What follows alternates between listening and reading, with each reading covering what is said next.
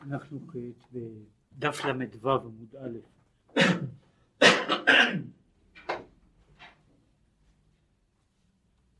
כן, דיברנו קודם על העניין של שכל המשכה בעולם הולכת באופן כללי בסדר של שם הוויה, כלומר צמצום והרחבה, התפשטות והרחבה. והנה כתיב כי ביה השם צור עולמי ביוד נברא העולם הבא בה' נברא העולם הזה. הוא אומר פירוש העולם הבא לעניין זה הוא תענוג הנשמות שנהנים מזיו השכינה. זהו העולם הבא.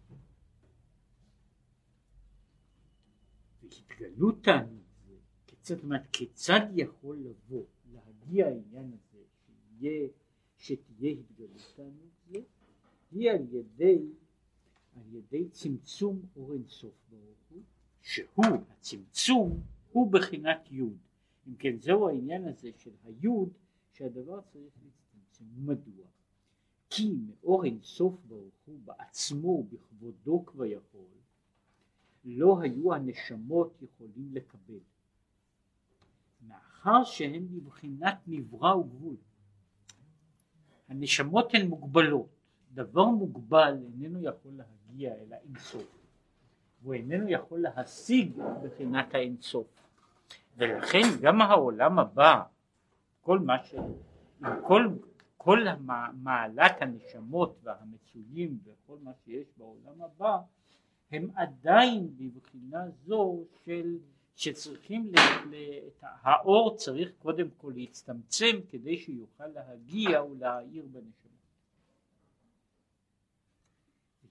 לכן הוא אומר, העולם הבא עצמו הוא בחינת ה'. זאת אם ביוד נברא העולם הבא, העולם הבא בעצמו הוא ההרחבה שבאה אחרי הצמצום.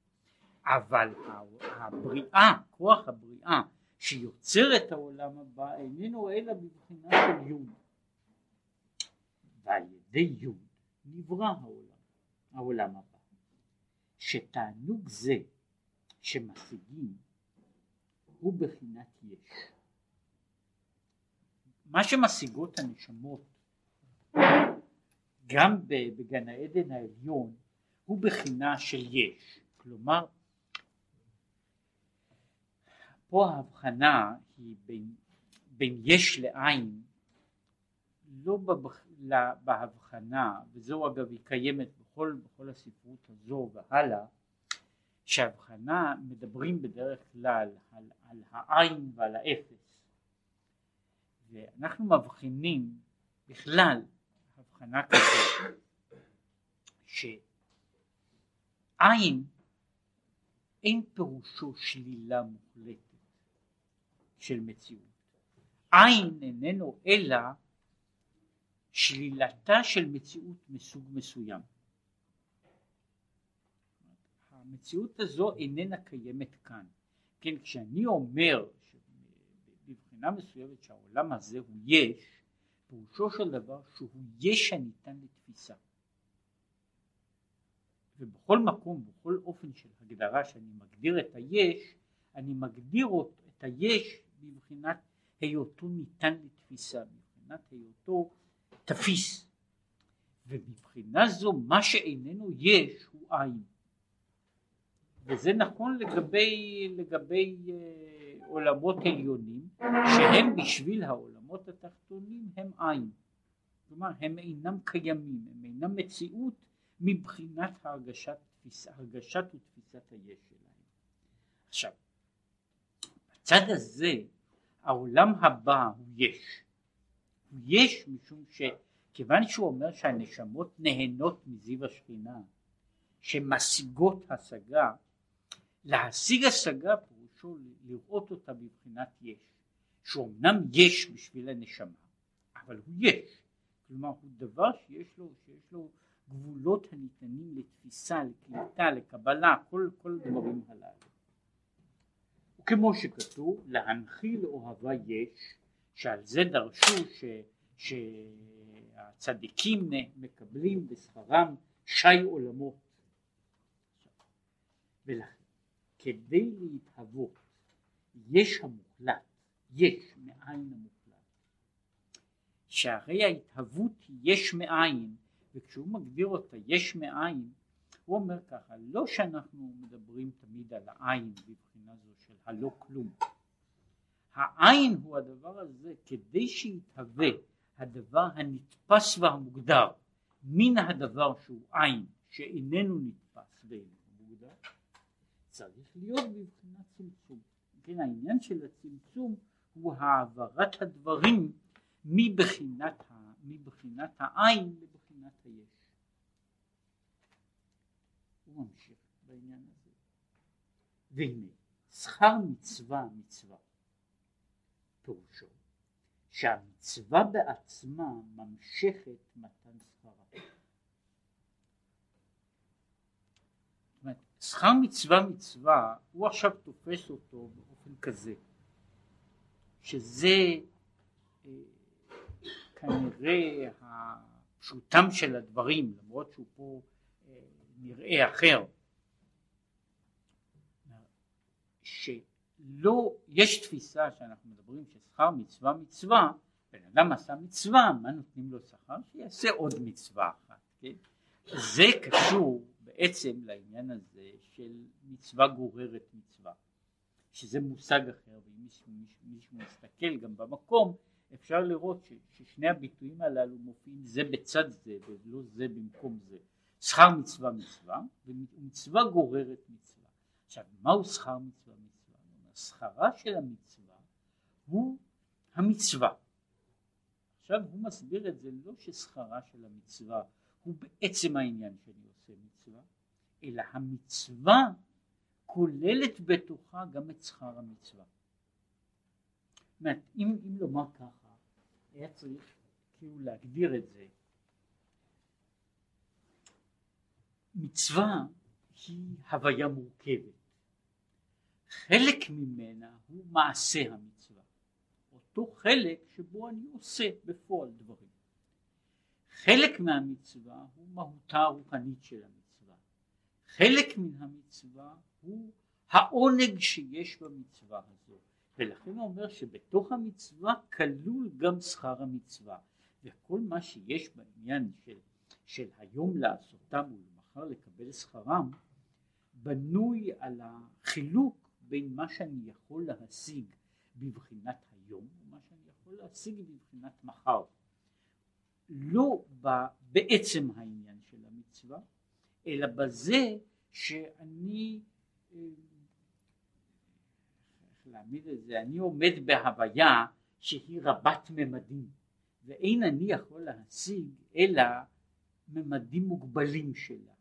את החלקים האחרים שלה אינני יכול כעת להשיג, ואני עושה כאילו מניפולציה בדבר שחלקו הגדול נסתר מעיניי, כן? אבל הוא קיים, וכאשר אני עובר למדרגה שבה אני יכול להשיג את הדברים, אני מגיע לשכר המצווה, ולכן שכר המצווה הוא במובן הזה כמו עונש העבירה, איננו שכר שהקדוש ברוך הוא קוצב, אומרת שמי שיעשה כך וכך זה יהיה שכרו? אלא אלא בבחינה אחרת ששכר מצווה הוא בהרגשתה של המצווה בעצמה, כמו שעונש העבירה הוא במובן של תמוטט רשע רעה. כש, כשם שאין אני מדבר על עונש במובן הזה, מישהו בלה באיזושהי צורה לקח ואכל סם המוות, אז אני לא אומר שמטעם השלטונות גזרו עליו שימות בגלל זה. אלא שזהו העניין, הוא אכל סם המוות ולכן הוא מת. באותו אופן, כשאדם אוכל איזה מעדן, הוא לא מקבל שכר מפני שהכנסת החליטה במושבה האחרון שמי שאוכל שוקולד נהנה משוקולד, אלא שכר, שכר העניין נובע מן הדבר בעצמו. אלא, אומר, יש פה מצב שהוא כמו, כמו שישנו בדברים, בדברים שונים, שלפעמים התחושה איננה באה יחד עם המעשה. להבדיל כמה, כמה אלפים הבדלות, אבל רק כדוגמה בלבד, כשאדם שותה למשל משקה, משקר, יש בזה שני דברים, יש ההרגשה המיידית של השתייה, אחר כך, זה לוקח זמן מסוים, באות כל ההשפעות שבאות אחר כך, הם אינם דבר שאיננו קשור לנושא הזה, אבל הן אינן באות יחד עם הלגימה בעצמה, זאת אומרת יש מעשה של הלגימה ואחר כך יש, יש מערך שהוא קשור, הדבר הזה צריך להתפרק, צריך להיכנס לדם, צריך לפעול ואז הוא יוצר תחושה מסוימת, באותו מובן הוא אומר אני עושה כעת את המצווה. אבל אני אינני חש במה שקוראים לזה בטעמי מצוות. אני, אני כאילו אה, כעת אני, אני עושה את הפעולה את התחושה אני יכול להרגיש רק לאחר מכן, זה העניין של היום לעשותם ולמחר לקבל שכרם, וזהו העניין שהמצווה בעצמה ממשיכת מתן שכרה. וכמו שכתוב, יגיע כפיך כי תאכל, אשריך שעל ידי המצוות שהאדם עושה בעולם הזה, הוא ממשיך להיות גילוי הגן העדן שיומשך התגלות תענוג הנשמות. כלומר, אדם בגן עדן איננו מקבל מקום מפני שהוא היה נחמד. הוא בסך הכל חי את מה שהוא עשה כעת. האדם עובר לשלב שבו המעשים שהוא עשה כעת מקבלים את מלוא, את מלוא המשמעות שלהם בבחינה של תחושה וזהו ההבדל בהדרגה כן ואותו דבר הוא העניין הזה של עונש הגיהנום שאדם איננו נענש בדבר אחר. באמת ההגדרה היא שהאדם איננו צריך שהמזיקים ירדפו אותו. המזיקים הוא עשה אותם בעצמו. כשהוא עובר עבירה הוא עושה אותם בעצמו, אלא שכעת הוא לא תמיד חש בהם. אחר כך מעבירים אותו למצב שבו המזיקים האלה מתגלים לו. באה בא התוצאה שבאה אחרי, אחרי המעשה. זה כמו כך וכך דברים שגם בעולם הזה שיש לנו לאיזשהו מרווח, שהוא אגב קיים כמעט בכל מה שאנחנו עושים, אלא לא בכל הדברים המרווח הוא, הוא רחוק באותה מידה. יש למשל ככל, שה, ככל שהנושא הוא במובן מסוים קשה יותר, מסובך יותר בין באופן הגשמי כשאדם, כשאדם אה, לועס דבר שהוא קשה לאכילה הפעולה הזו אפילו הרגשת הטעם לוקח לה יותר זמן כדי להגיע כשאדם עוסק בנושא וזה אחד הדברים ששייכים גם בדברים רוחניים כשאדם עוסק בנושא רוחני ולאו דווקא בנושא שבקדושה אלא בנושא רוחני אם הנושא הזה הוא אה, קל לעיכול התחושה אה, באה מיד. יש דברים שהאדם צריך לעבור עליהם כמה וכמה פעמים כדי שהוא יוכל להתחיל להרגיש התייחסות לאותו נושא. זה נכון לגבי, אה, לגבי אה, דברים שונים, לגבי הנאות שונות, כן, שיש עולמות שלמים של הנאה שהם אינם מיידיים, אלא הם נובעים, הם דורשים זמן מסוים, איזה איזה עיכוב ולפעמים התפתחות כדי, ש, כדי שהאדם יוכל להרגיש מה, מה קורה לו. כן? זה אה, חלק בהרבה, בהרבה דברים שמדובר כאן במקומות אחרים על הבעיה של, של הבחירה, של הטוב והרע ובעיית חינוך האדם היא, אה, היא הבעיה שבמובן מסוים היא בעיית הבגרות. כלומר, אה, אנחנו בעצם אומרים שהעניין הזה של האדם החוטא והנפש הבהמית אשר בו הם אה, מופע ילדותי. שהוא מוגדר בזה שהוא, שההגדרה שלו שהאדם צריך סיפוק מיידי. וככל שהוא זקוק יותר לסיפוק, שהסיפוק הוא יותר ויותר קרוב זה יותר חלק מהצד הזה, מהילדותיות של, של, של הוויה. וככל שהאדם מגיע יותר לבגרות הוא יכול, הוא יכול להיכנס לדבר שהשכר שלו או העונג שלו באים בשלב מאוחר יותר וזהו זהו חלק ולכן הוא אומר שבעצם העניין הזה של, של, של המצווה והעבירה קשורים קשורים ב, ב, ב, במיידיות של, ה, של, ה, של התופעה כן? יש אה, סיפור מפורסם כן, שהוא אומר את כל הדברים האלה אבל בצורה אה, לא, ב, לא בדרכים מופשטות. סיפרו שהיה פעם אחד האדמו"רים הלך עם הנכד שלו למקווה ובדורות ההם מקווה היה קר כדבעי למהבי כן? וכשהילד הקטן נכנס למים הקרים הוא צעק אוי! אחר כך הוא יצא מן המים וכמו שקורה בן אדם מרגיש שהוא מתחיל להתחמם ומרגיש הרגשה טובה. ואמר אה ואז אומר לו הסבא תדע לך שזהו כל ההבדל בין מצווה ועבירה. במצווה אומרים קודם אוי ואחר כך אה בעבירה זה בדיוק להפך. עכשיו אה, האמת היא שכל מה שאמרתי כלול בסיפור הזה אלא שהסיפור הזה הוא אולי ייזכר יותר מפני שהוא אה, אבל הוא אומר בדיוק אותם הדברים על היחס על היחס שיש בין מה שקוראים לזה יחסים מיידיים ולא מיידיים. מה שהוא אומר שהאדם במעשה המצוות הוא עושה את גן העדן שלו. וכמו שכתוב ויניחהו בגן עדן לעובדה אילו רמ"ח מצוות עשה שעל ידי זה הוא עושה את הגן עדן. זאת אומרת זה מה שהאדם שאומר ויניחהו בגן עדן לעובדה ולשומרה האדם עושה את גן העדן וזה הוא עושה אומר בין בעולם במקום אחר בזמן אחר בין בעולם הזה הוא עושה את גן העדן וזהו כל הנשמה תהלל יה. הוא התחיל הרי מזה שביה השם צור עולמים. עכשיו הוא אומר כי כל הנשמה תהלל. פירוש. תהלל ותאיר הארת והמשכת היוד שהיא בחינת הצמצום להיות בהילאה בחינת עולם הבא, שהיא בחינת יש מאין, להנחיל אוהבה יש, ולפי זה ההגדרה שהוא תופס על להנחיל אוהבה יש היא דבר כזה, כעת יש לאוהבי השם בעיקר עין. כל מה שהם מקבלים איננו בבחינת מפני שהוא איננו בבחינת המושג.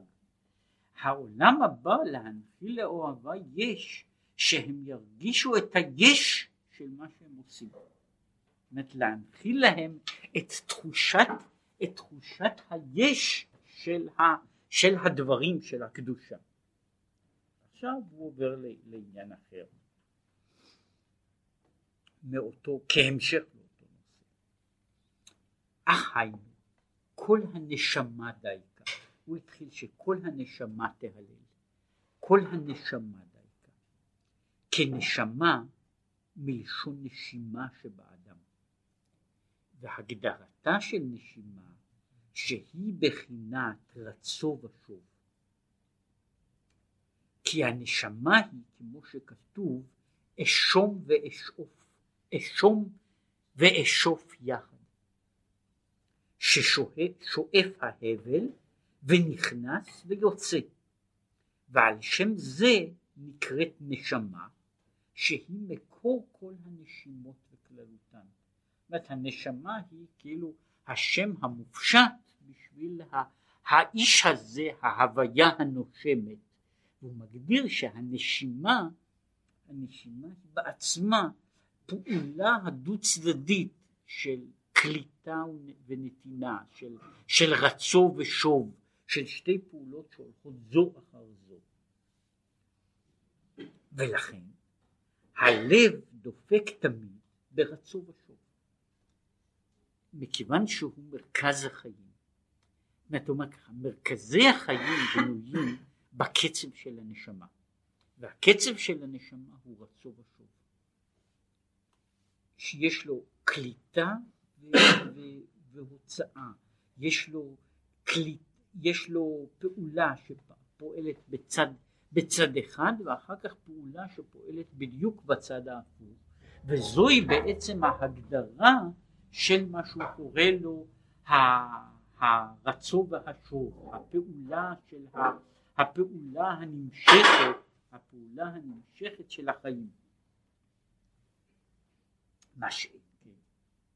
שאר כל האיברים שוקטים ונחים.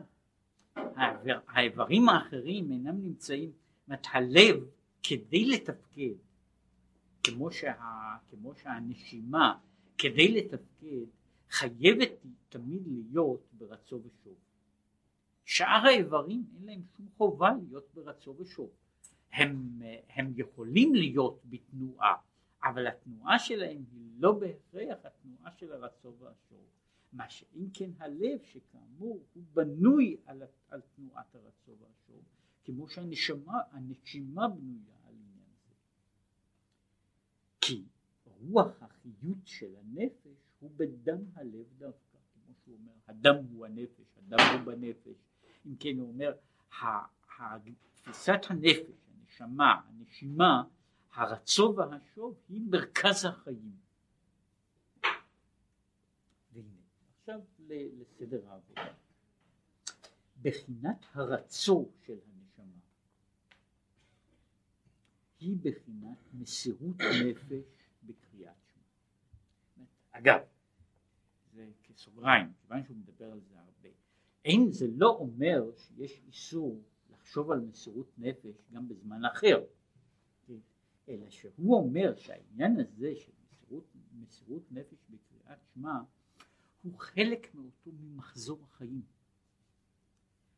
יש דברים שהם תופעות, תופעות מסוימות, חד פעמיות, שכל אחת מהן היא הוויה לעצמה, אבל יש אומר דבר שהוא שייך לעבודת הנפש, והרצו והשוב הם חלק מעבודת הנפש הבסיסית, ולכן יש החלק הזה של התפילה מבוסס על רצו והשוב, שבתוך הרצו הזה יש נקודת הרצו של מסירות נפשו בקריאת שמע. עכשיו מה זה מסירות נפש? מסירות נפש, בפרט בקריאת שמע, כשאני אומר לבן אדם, אני יודע, שלוש פעמים ביום, פעמים יותר מזה, כן, שימסור נפשו בקריאת שמע. מהי מסירות נפש? והיינו מסירת הרצון. כי נפש הוא הרצון. כמו שכתוב, אין נפשי אל העם הזה, כלומר אינני רוצה בו. אם כן, מסירות נפש הוא מסירות הרצון. דהיינו, שיעקור רצונו המלובש באבלי עולם, ולהיות לו רק רצון אחד לאביו שבשמיים. וכמו שכתוב, מי לי בשמיים ועמך לא חפצתי בארץ. שאין לו חפץ ורצון אחר כלל. אם כן, זה מסירות נפש, מסירות נפש היא שבצד מסוים היא דבר כל כך קל ו... וכל כך בלתי אפשרי. מסירות נפש היא למסור את רצונו. למסור את רצונו, כלומר אותם הדברים שהוא רוצה אותם, שהוא יהיה מוכן לוותר עליהם. שזהו העניין של מסירות נפש, בן אדם מוסר, את, מוסר את, את עצמו, מוסר את רצונותיו לקדוש ברוך הוא. והיינו, כאן בדרך העבודה, בשומו לליבו שאין עוד מלבדו, והכל בטל אליו יתברך. כן, למסירות נפש למסירות נפש ולעניין הזה של הרצור, יש צורך בהקדמה. אומרת, יש הקדמה, המצב הוא, זה, זה אולי חיסרון באדם, שפיו של אדם נמצא ברשותו. במובן הזה שבן אדם יכול להגיד בפה מה שהוא רוצה, כולל, כולל דברים שחוץ ממה שהוא אומר סתם דברי שקר, הוא יכול גם לעמוד בתפילה וגם כן לשקר, אין שום מניעה בזה, להפך, זה כנראה זמן המסוגל לזה, כן, זאת אומרת בן אדם יכול להגיד בתפילה הכל, אבל העניין של, של, של, של מסירות נפש, זאת אומרת שבמובן אחד יהיו פיו וליבו שווים, שהוא, שתהיה לו הרגשה כאין זו, עכשיו זה איננו מן הדברים הקלים כלל ועיקר, כדי להגיע לאיזה עניין של מסירות נפש, זה לא קשה להגיד את הפסוק מי לי בשמיים ועמך לא חפצתי בארץ, כן? כן?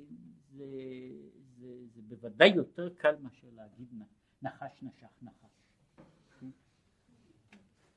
זה יותר קל, זאת אומרת המילים, המילים הם בסדר, המילים הם בסדר, זאת אומרת הפה יכול להגיד אותם, אבל כדי להרגיש את העניין הזה, להרגיש את העניין הזה, כאן אנחנו מגיעים למדרגה אחרת, זאת אומרת כאן המדרגים, מדרגה שבן אדם ירגיש.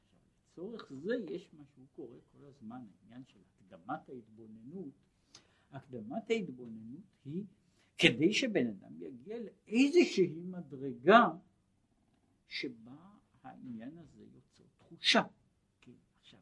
אם, כמו שהוא אומר גם בתניא, אם התחושה הייתה נוצרת אמת לאמיתה, בן אדם לא היה יכול לזוז ממנה. לו היה בן אדם מגיע לנקודה הזו, גם כשהוא מתפלל באמת, שהיה מגיע לנקודת אמת, אז אחרי זה בפעם השנייה ובפעם השלישית זה לא היה, הוא כבר עבר את השלב הזה. זאת אומרת, יש שלב מסוים שבו אה, יש לנו, יש, יש אה, דברים שונים שאנחנו עומדים איתם בבחינת ההכרה. אה, יש, יש שלב שבו בן אדם נעשה משוכנע במשהו. וברגע שהוא משוכנע בזה, באותה שעה הוא לא צריך שוב לחזור ולעבור שוב את כל, את כל אותה הדרך שהוא עבר בפעם הראשונה ולחזור ולהוכיח לעצמו שהדבר הוא באמת כך וכך. כן? כאשר אדם מגיע לאיזושהי נקודה, זה יכול להיות על דברים של מה בכך, כן? מאותה שעה והלאה אני לא, לא זקוק עוד פעם לעניין הזה, להרגל, לתיאור ולהסבר. נכון שכל מה שיש באדם, מכיוון שה... אדם הוא אדם והוא איננו מלאך, יש לו תנודות מסוימות, כן? ניקח דוגמה קטנה, זה יכול לקרות גם לילד קטן, ילד קטן שמכניס את היד בתוך האש ונכווה, בדרך כלל איננו צריך להסבר נוסף שלא מכניסים ידיים לאש. מדוע? הוא השתכנע די הצורך שלא עושים עכשיו יש דבר כזה, זאת אומרת אם החוויה של מסירות נפשו לשם הייתה חוויית אמת באותה דרגה אז הייתה, היה פועל אותו דבר. זה היה פועל אותו דבר והוא לא היה צריך שיסבירו לו פעם שנייה. אינני זקוק לשים את היד באש מפקידה לפקידה כן, כדי להיזכר כן, למרות ששוב ברור שגם בתוך האדם יש גם על דברים שהם חוויות אמת שלו. חוויות, חוויות שמשאירות רושם, יש התרופפות בדברים, אבל כשיש לאדם איזושהי חוויית אמת, מן השעה הזו זה מגיע לקביעות. עכשיו מה קורה בעניין הזה של ההתבוננות? אם אדם, אם בן אדם מגיע להרגשה, וזה ההבדל, זה לא שאדם, שום אדם איננו מגיע לחוויית מסירות נפש באיזושהי דרגה. יש בה היא כמו שהוא מגדיר בתניא בהגדרה דקה אבל מאוד מאוד ריאלית היא אמת בשעה הזו. כשאני נמצא, כשאני מתפלל, באותה שעה זו הרגשת אמת. אחר כך אני יוצא לאכול, אז זה כבר לא אותו דבר. ואחר כך כשאני הולך לרחוב ועושה מה שהוא עושה, ההרגשה הזאת נעשית לגמרי לגמרי אחרת, כן? ולכן היא זקוקה לחיזוק ול, ול, ול, ולעזרה בכל פעם, אם כי זה, זה לא, לא כאן מקומו, שהוא מדבר על העניין הזה, דברים נוצרים בתוך אדם, וככל שהוא עובד עליהם יותר, יש, יש יצירה של, של עניין, יש יצירה שפועלת גם על הנפש ומשנה דברים בתוך הזה הוא עבודה, הוא עבודה מתמשכת שאיננה מגיעה, וזה אגב זו בעיה של רבים ש, שנמצאים באותה, באותה בעיה, מה, איך אפשר לעבור את הסף הזה של אמרתי, הרגשתי, חשבתי, כן? ואחר זמן אה, זה מתעמעם? אני, אני מרגיש, לפעמים זה, שוב, אני אומר את זה, דברים מסוימים, קורה שבן אדם עובר איזושהי חוויה, יש לו רגש, לפעמים הוא רגש מאוד עז? ואחרי זמן, שלושה חודשים אחר כך, אה, זה כבר לא נראה אותו דבר. כן? יש אנשים אה, שמתאהבים כל שבועיים, כן? באהבה היחידה בחייהם. זה קורה, כן? זאת אומרת, ובן אדם עובר, עובר תחושה. מה שרציתי לומר, שהתחושה הזאת היא לא, היא לא שקר גמור, כן? אבל היא לא אמת במובן שהוא מגדיר אותה, שאמת קשורה במשמעות של נצח. כן? ודבר שהוא לא אמת, כן? שפת, כמו שאומר, שפת אמת תיכון לעד. ועד ארגיע לשון שקר. דבר שהוא, שהוא אמת, יש לו, יש לו נצחיות. דבר שהוא שקר, למרות שבאותה שעה, וזה אגב ההגדרה שלו, גם בעניין הזה וגם לדברים אחרים, על מושג השקר. שקר איננו דבר שהוא מיני ובי אה, פגום, פסול ולא קיים. כן? שקר הוא בכלל ההגדרה של דבר שאין לו יציבות. מכאן אגב בא הביטוי שהוא בעצמו משתמש בו ומעיר עליו, אנחנו מדברים על נערות אכזב. נחל אכזב הוא נחל, ויש בדיוק הביטוי הוא, אה, בדברי חז"ל מופיע נהרות המכזבים, אחת לכך וכך זמן. נחל אכזב הוא נחל שקרן, מה זאת אומרת הוא שקרן?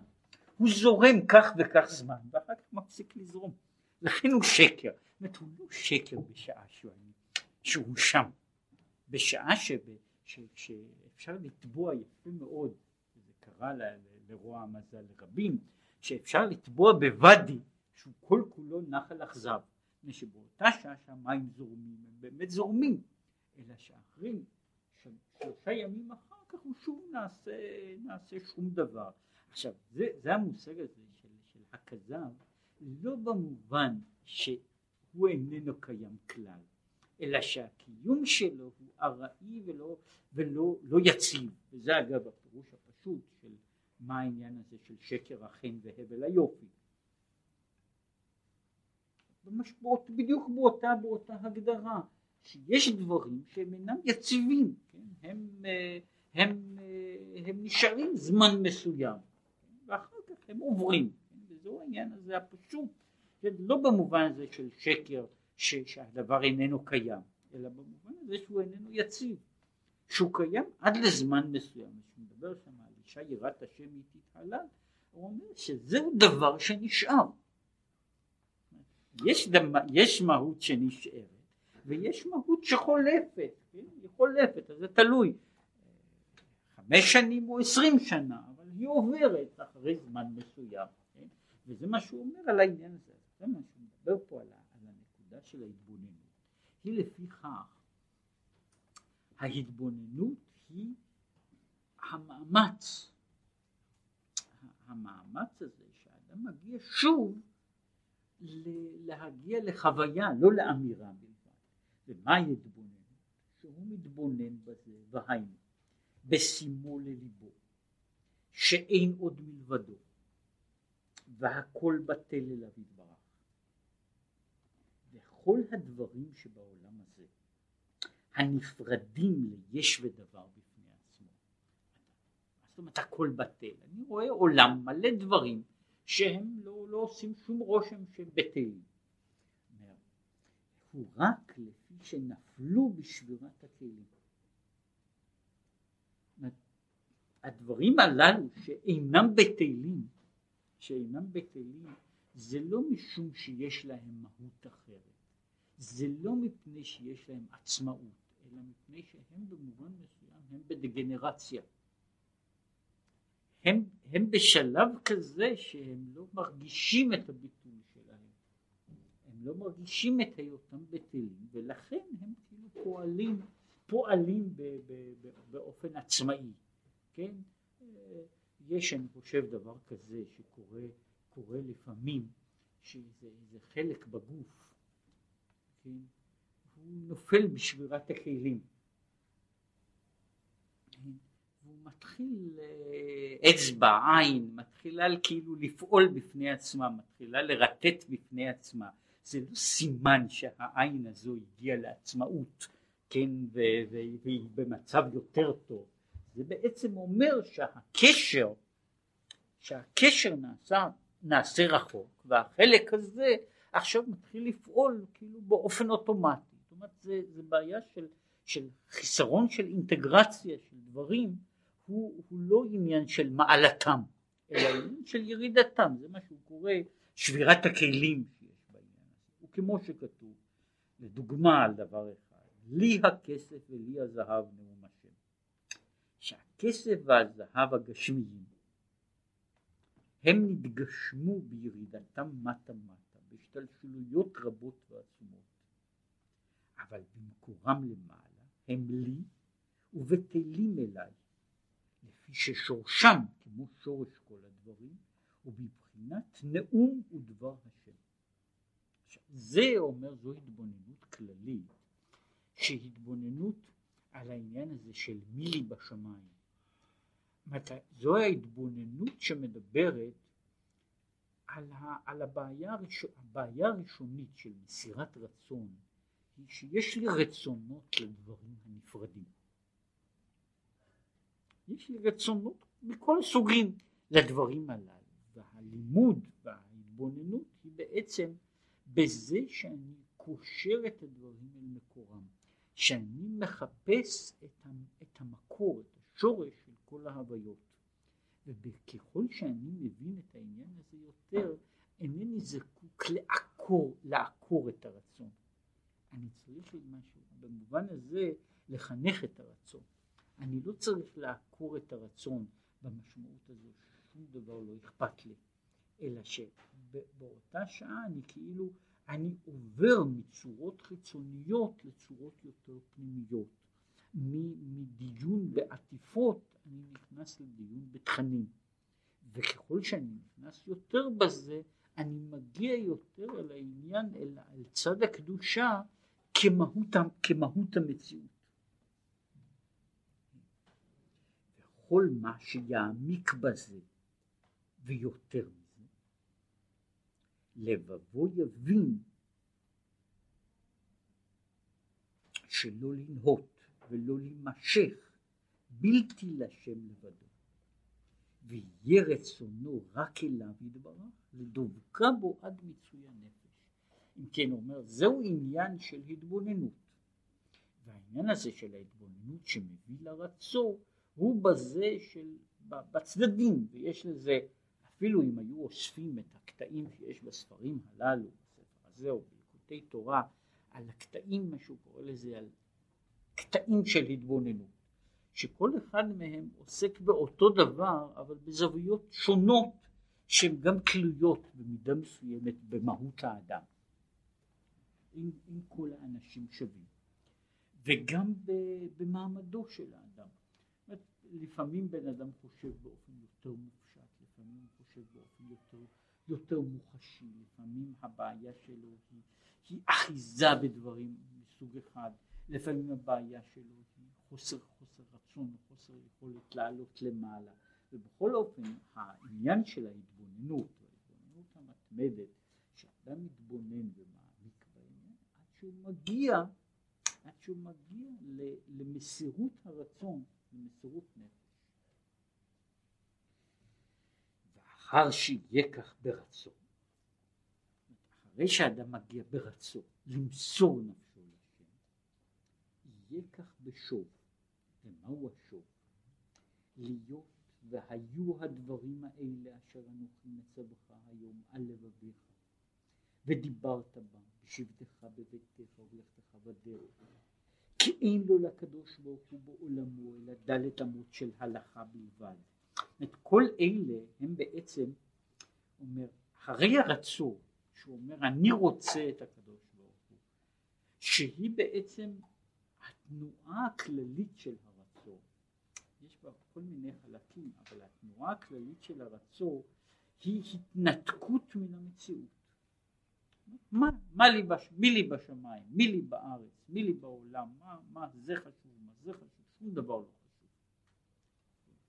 ובמובן הזה זה, זו, זו נטייה שהאדם יוצא מכל ההגדרות, הוא יוצא מכל הרשויות, הוא יוצא מן הכלים והוא רוצה להידבק בשם לבדו.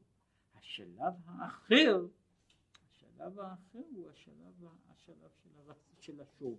שבן אדם חוזר אל העולם הזה, שאדם חוזר אל העולם הזה, אל מה שהוא צריך לעשות בתוך העולם הזה, ויש פה הבדל, מבחינת הרצון שום דבר לא מעניין אותו, מה יש? זה עולם זה, בדרגה של השוב הוא עושה עבודה, הוא פועל פעולה בתוך העולם, מה שהוא מדבר פה על העניין הזה, שאין לקדוש ברוך הוא בעולמו אלא דלת אמות של הלכה, הוא רוצה לומר ככה, השור איננו סתירה של הרצון. השור איננו סתירה של הרצון במובן הזה, זאת אומרת, אם להסביר את, הנקודה הזו, אני הייתי יכול לומר, להגדיר את, ה, את העניין באופן לא נכון, ולומר ככה, מבחינת הרצון, יש זמן מסוים שבן אדם הוא אסקטי, עוסק בתעניות וסיגופים. אז הוא עוסק בתעניות וסיגופים נאמר חצי שנה, ואחר כך הוא עושה חיים טובים בעולם הזה בחצי השנה האחרת. אבל לא זה לזה הוא קורא רצו ושוב, למרות שגם זאת תנועה. אומרת, יש תנועה כזו של, של אדם, כן? אה, אכלתי יותר מדי, ואחר כך במשך כמה זמן אני לא רוצה לראות אוכל, כן? זה גם כן רצו ושוב, כן? אבל הרצו והשוב הללו כוללים בתוכם את הסתירה, הם, הם מבוססים על סתירה, הרצו והשוב סותרים אחד את השני, פה הוא מדבר על הרצו והשוב לא כסתירה אלא כשני, יש ביניהם, ההבדל בהם הוא לא הבדל מבחינה של, ההשג, של ההשגה, אלא מבחינה של הרגשה. מבחינה, ההבדל בין הרצון והשוב הוא בעיקר הבדל אמוציונלי, לא, לא, לא קונספטואלי. מדוע? מפני שבשוב הוא אומר בערך דבר כזה, ברצון הוא בורח מן העולם הזה, והוא נדבק בשם לבדו. במובן הזה הוא לא חושב יותר על העולם. הוא כאילו מנתק את הקשרים. בשוב הוא חוזר אל הקדוש ברוך הוא דרך עבודתו בעולם הזה. זאת אומרת השוב איננו, איננו ריאקציה, אם להעמיד את זה ככה. השוב איננו הריאקציה של הרצון. השוב הוא המשך של הרצון אבל באופן אחר. כן, הוא עומד במובן הזה שהתהליך של הרצון והשוב איננו תהליך איננו בנוי על שני תהליכים, על תהליכי סתירה, אלא הוא ת, ת, תלוי בעצם הוא מין תהליך שצריך לכלול בתוכו כמו תהליך סיבובי, שהוא כולל בתוכו התשובה שלו מנקודה מסוימת והלאה הוא פונה לכיוון אחר והפנייה לכיוון האחר היא המשך של אותה תנועה עצמה, היא לא סתירה של העניין הזה, זאת אומרת היא לא תנועה באמת רצו ושוב, בשני צדדים הפוכים, אלא היא תנועה שהולכת בצד אחד, אבל בשתי, בשתי הרגשות אמוציונליות שונות. הרגשה האמוציונלית האחת היא יציאה מן המציאות של העולם. כאילו לברוח, לצאת מן המציאות של העולם הזה, אין עוד מלבדו. בצד השני אני חוזר אל העולם הזה, אני חוזר אל העולם הזה, אני מתייחס אל העולם הזה, אני עושה דברים בעולם הזה, אבל הדברים שאני עושה בעולם הזה אינם, אינם באים כסתירה לרצון הראשון. הם באים רק כביטוי שלו, מה שהוא אומר פה, ש"ודיברת בם", לכתך ושבתך וכולי וכולי, כי אין לו לקדוש ברוך הוא אלא ארבע אמות של הלכה. טוב, מאחר שהוא קדוש ונבדל, אין לו שייכות להיות שורה ומתלבש בעולם אלא על ידי ארבע אמות של הלכה. שעל ידי זה נעשית דירתו ממש בתחתונים. אם כן בעצם הוא כאילו אומר ככה אחרי שבן אדם מתמלא געגועים אל הקדוש ברוך הוא שזהו הרצון. אני אומר לו אתה יודע היכן הקדוש ברוך הוא נמצא? הקדוש ברוך הוא נמצא פה. אומרת, אתה רץ לאיזשהו צד, אתה רץ אחרי הקדוש ברוך הוא, והתשובה היא שהקדוש ברוך הוא נמצא פה. מדוע?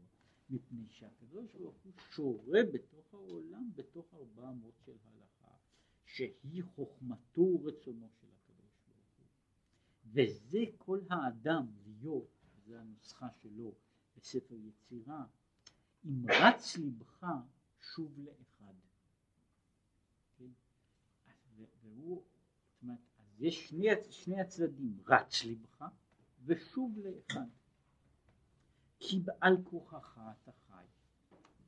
והנטייה, על כורחך אתה חי, הוא, כמו שאמרתי, הנטייה של הרצון, אם היא הייתה הולכת ונמשכת, והייתה ממשיכה באותו כיוון, היא מביאה, יכולה להביא אדם לידי יציאה מן המציאות בכלל.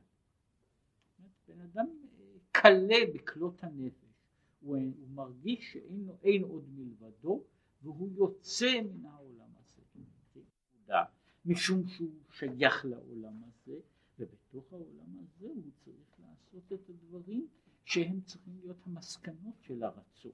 אם באמת אתה כל כך דבק בקדוש ברוך הוא אתה, ואתה רוצה להידבק בו רוצה להידבק בו, אז יש לך דרך של דבקות. במובן הזה, כמו שהוא אומר, אחרי ואהבת את השם אלוקיך, והיו הדברים האלה הם לא מה שקוראים להם אה, סתירה, אה, השבירה של, של ההרגשה, אלא הם המשך שלה בתוך כיוון אחר, בתוך הכיוון של העולם הזה. אם אתה באמת אוהב את הקדוש ברוך הוא, עכשיו העניין הזה של האהבה צריך להגיע לידי עשייה. יש סיפור, קצת שייך לזה, שעמד איזה אביון בחוץ, במקום קר, בחוץ, בגשם, ועומד לו בעל הבית בבית, כמובן חם ומוסק, והוא אומר כמה אני מרחם עליו, ליבי יוצא. ליבי יוצא מרחמים, איך הוא יושב שם בחוץ וקר לו. אז אומרים לו, אתה יודע מה, אולי תכניס אותו פנימה, אבל אני אפסיק לרחם עליו. זה מה שקוראים ציוני, כן, כמעט, זו כמעט ההגדרה, כן, אני, התחושה, התחושה הנפלאה הזו, שליבי נשפך, כן, כשאני מביא אותה לאיזה הגשמה, זה ברור, זה אגב, זה ברור שגם שם יש, בדברים הללו יש, ה, יש ה, ה, הנקודה הזו של ה... יש ברור שיש שינוי בין תחושת הרצון לבין ההגשמה. זה שינוי בהרגשה, ולפעמים יכול להיות שאדם איננו רוצה את השינוי הזה. בעולם לגמרי אחר, המינזינגר, הטרובדורים, בנו את האידיאל של אהבה שאין לה הגשמה. מפני שהם טענו שאחרי שאם יש לה הגשמה היא מפסיקה להיות קיימת. היא מפסיקה להיות קיימת. ככל שהיא בלתי מושגת, ככל שהיא בלתי מושגת היא קיימת יותר, היא הולכת ומתגברת. זה היה, זה, זה בנוי על הרעיון של רצו בלי שוב, של, של אני רוצה להמשיך את הכיוון הזה. מה שהוא אומר פה על רץ לבך שוב לאחד, מפני שהגשמתו, ההאחזות אל באחד, היא באה לא מכוח זה שאתה בת, אתה מבטל את עצמך, שובר את עצמך ונשרף בו, אלא מזה שאתה מחזיר את עצמך פה למטה. ובזה תהיה כל הנשמה תהלליה, כי על ידי התערותא דלתתא, התערותא דלעילא. ומדוע? שעל ידי בחינת רצו שבעבודת האדם, כך הוא גם למעלה, בחינת הסתלקות וצמצום אור אינסוף ברוך הוא. זאת אומרת, כשם שאני, במובן מסוים, כשאני עולה למעלה, ואני רוצה לברוח מן המציאות, אז כבר יכול גם הקדוש ברוך הוא רוצה לברוח מן המציאות. גם הוא רוצה, גם האור האלוקי רוצה לחזור. זאת אומרת, אני, אני יוצר כאילו תנועה שכל כולה הוא המציאות הזו, העולם הזה, כל זה הוא רק מה שקוראים לזה, הוא צעיף, הוא כיסוי, הוא העלם. התוך הפנימי נמצא יותר ויותר למעלה. אבל כשהוא נעשה יותר ויותר למעלה, הדבר הזה פועל בכל העולמות. ולהפך, על ידי בחינת שוב, כשאדם חוזר ומחליט שעבודתו, הגשמת הדברים, היא פה בתוך העולם הזה, כך הוא בחינת המשכת אור אינסוף ברוך הוא בהשתלשלות המדרגות למטה מטה כדי להאיר התגלות התענוג של הנשמות להתענג על השם ואז הקדוש ברוך הוא מאיר לעולם. זאת אומרת יש פה הדרך היא כשם שהדבר פועל למטה ככה אני מפעיל את כל העולמות וברצו שלי אני מפעיל, אני יוצר את הרצייה, הרצייה הזו. בשוב שלי אני יוצר רצייה אחרת. ויש על, על זה הרבה מאוד מעשים שמדברים גם על הבעיה של היחס של, היחס של בני אדם, גם אחד עם השני, גם אל מציאות אחרת. ככל שאני בונה יחס אחד ואני מצליח בזה, אני יוצר אותה הרגשה גם אצל אחרים. סיפרו פעם, אמרו את זה, שפעם מישהו בא אל החוזה מלובלין, אחד הדרשנים, ואמר לו מבין. אומר, אני כל, בכל פעם דורש, דורש דרשות, ואף אחד לא מביא לי כסף. ועתה באים אנשים ומביאים מתנות כאלה וכאלה. אני אומר, הסיבה היא פשוטה. כשאתה דורש, למה אתה דורש? כשאתה רוצה כסף. הרצון שלך נדבק בכל האנשים. וגם הם רוצים כסף, למה שהם ייתנו לך?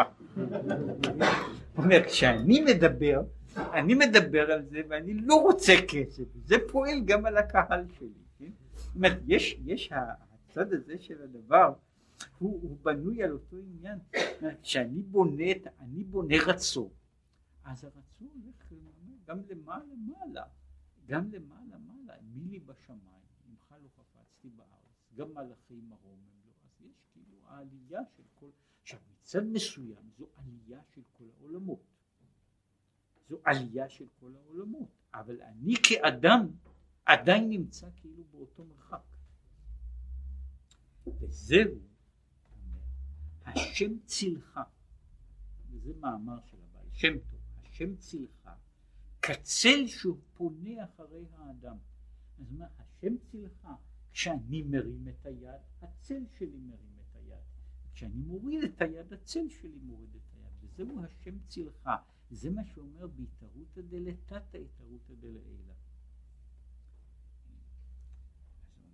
כך הוא יתברך, ויכול צל שלך.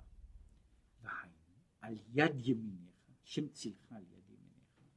דהיינו, על ידי אהבה במסירות נפש בבחינת רצון. כשאני מאיר את הבחינה של הרצון, אז אני יוצר שכל העולמות עולים. ובשוב יש שוב השפעה, המשכת השפעה לכל העולמות כולם. וזהו מה שמגדיר נר הוויה נשמת אדם. שזה היה אחד הפסוקים שהוא הביא קודם לצורך העניין הזה. שנשמת אדם, שהיא בחינת נשימה, ברצו ושוב, היא בחינת נר להאיר ולהמשיך אור אינסוף ברוך הוא בגן עדן. הנשמה, נשמת אדם, היא הנר של השם, משום שנשמת האדם היא מאירה את אורו של הקדוש ברוך הוא בכל מקום. ואגב, רק לחזור לכתוב שלו, שהוא התחיל בו, שהוא גם נגע בו קצת קודם, הוא התחיל שכל הנשמה תהלל יחד. שתהלל הוא מלשון בהילו נרו עלי ראשי. זאת אומרת כל הנשמה תהלל, כל הנשמה מאירה. היא מהללת, יוצרת הילה מן הקדוש ברוך הוא. והוא אומר, וזהו בדיוק הפסוק של נר השם נשמת אדם. שנשמת האדם היא נרו של הקדוש ברוך הוא. שעל ידי זה נשמת האדם, וכמו שהוא הגדיר שנשמת אדם זה, זה בעצם הסיכום של הקטע הזה, נשמת אדם היא הדואליות של, של, ה, של, ה, של ההתייחסות הרצו והשוב, זה בעצם ההגדרה של נשמת אדם. נשמת אדם היא לא רק הדבר הזה שפונה לכיוון אחד. כן, גם מה שהוא קורא הנשמה העליונה הקדושה והטהורה היא איננה רק הפנייה בכיוון אחד כלפי מעלה, אלא נשמת אדם היא פנייה מצד אחד פונה האור למעלה, כן? ובצד השני הוא מוריד את, השפעה, את ההשפעה למטה ברצו והשוב. זהו המכלול של מה שהוא קורא לזה נשמה. כן? זה אומר וזהו כל הנשמה, לא חתיכה ממנה. כן? כל הנשמה תהלל יה משום שהוא יוצר על ידי הרצו והשוב, הוא יוצר את העניין הזה. רק רוצה לגמור פה. ב... יש צד אחד שהוא כאילו לא הגיע פה. קצת ימשיך אותו באיזה מידה הלאה. אנחנו אומרים שאחרי הרצון צריך השוב לבוא. משום שהוא חלק מהחיים, שהוא הגשמה של הדברים. עכשיו בעצם מדוע צריך את הרצון? מדוע לא יכול להיות השוב לבדו? אם ההגשמה והמטרה, כמו שהוא אומר, כדי שתהיה לקדוש ברוך הוא דירה בתחתונים. זאת אומרת שבעצם מטרת המציאות היא שהקדוש ברוך הוא ידור פה איתנו בעולם הזה. מדוע אני צריך את הרצון? לכאורה נקודה, התנועה של הרצון היא תנועה של, שפועלת נגד הכיוון של העולם. היא פועלת, זאת אומרת, היא פועלת נגד המציאות של העולם. ושכל העניין של הרצון, כמו שהוא הסביר, הוא לא רק הבעיה האנושית, שהאדם כאילו מתנתק מן הדברים ויוצא מתוכם ועוקר את עצמו מן הרצונות. אלא הוא גם, כמו שהוא אומר, הוא עושה את זה בכל העולמות כולם, כל העולמות מסתלקים, כן? בכל המשמעויות של, של הדבר, הם מתעלים למעלה והם מסתלקים מאיתנו. אם כן, במובן הזה הוא כאילו פועל, הוא מוציא את האור. כן? אלא שהעניין הוא שכדי הרצון, הרצון דורש את ה... נאמר ככה, כדי שהשוב יהיה ממשי, הוא צריך להיות בנוי על סמך אהבה. סמך אהבה. והעניין הזה של אהבה שיש, שיש ברצור, היא יוצרת את המומנט בשביל השוב.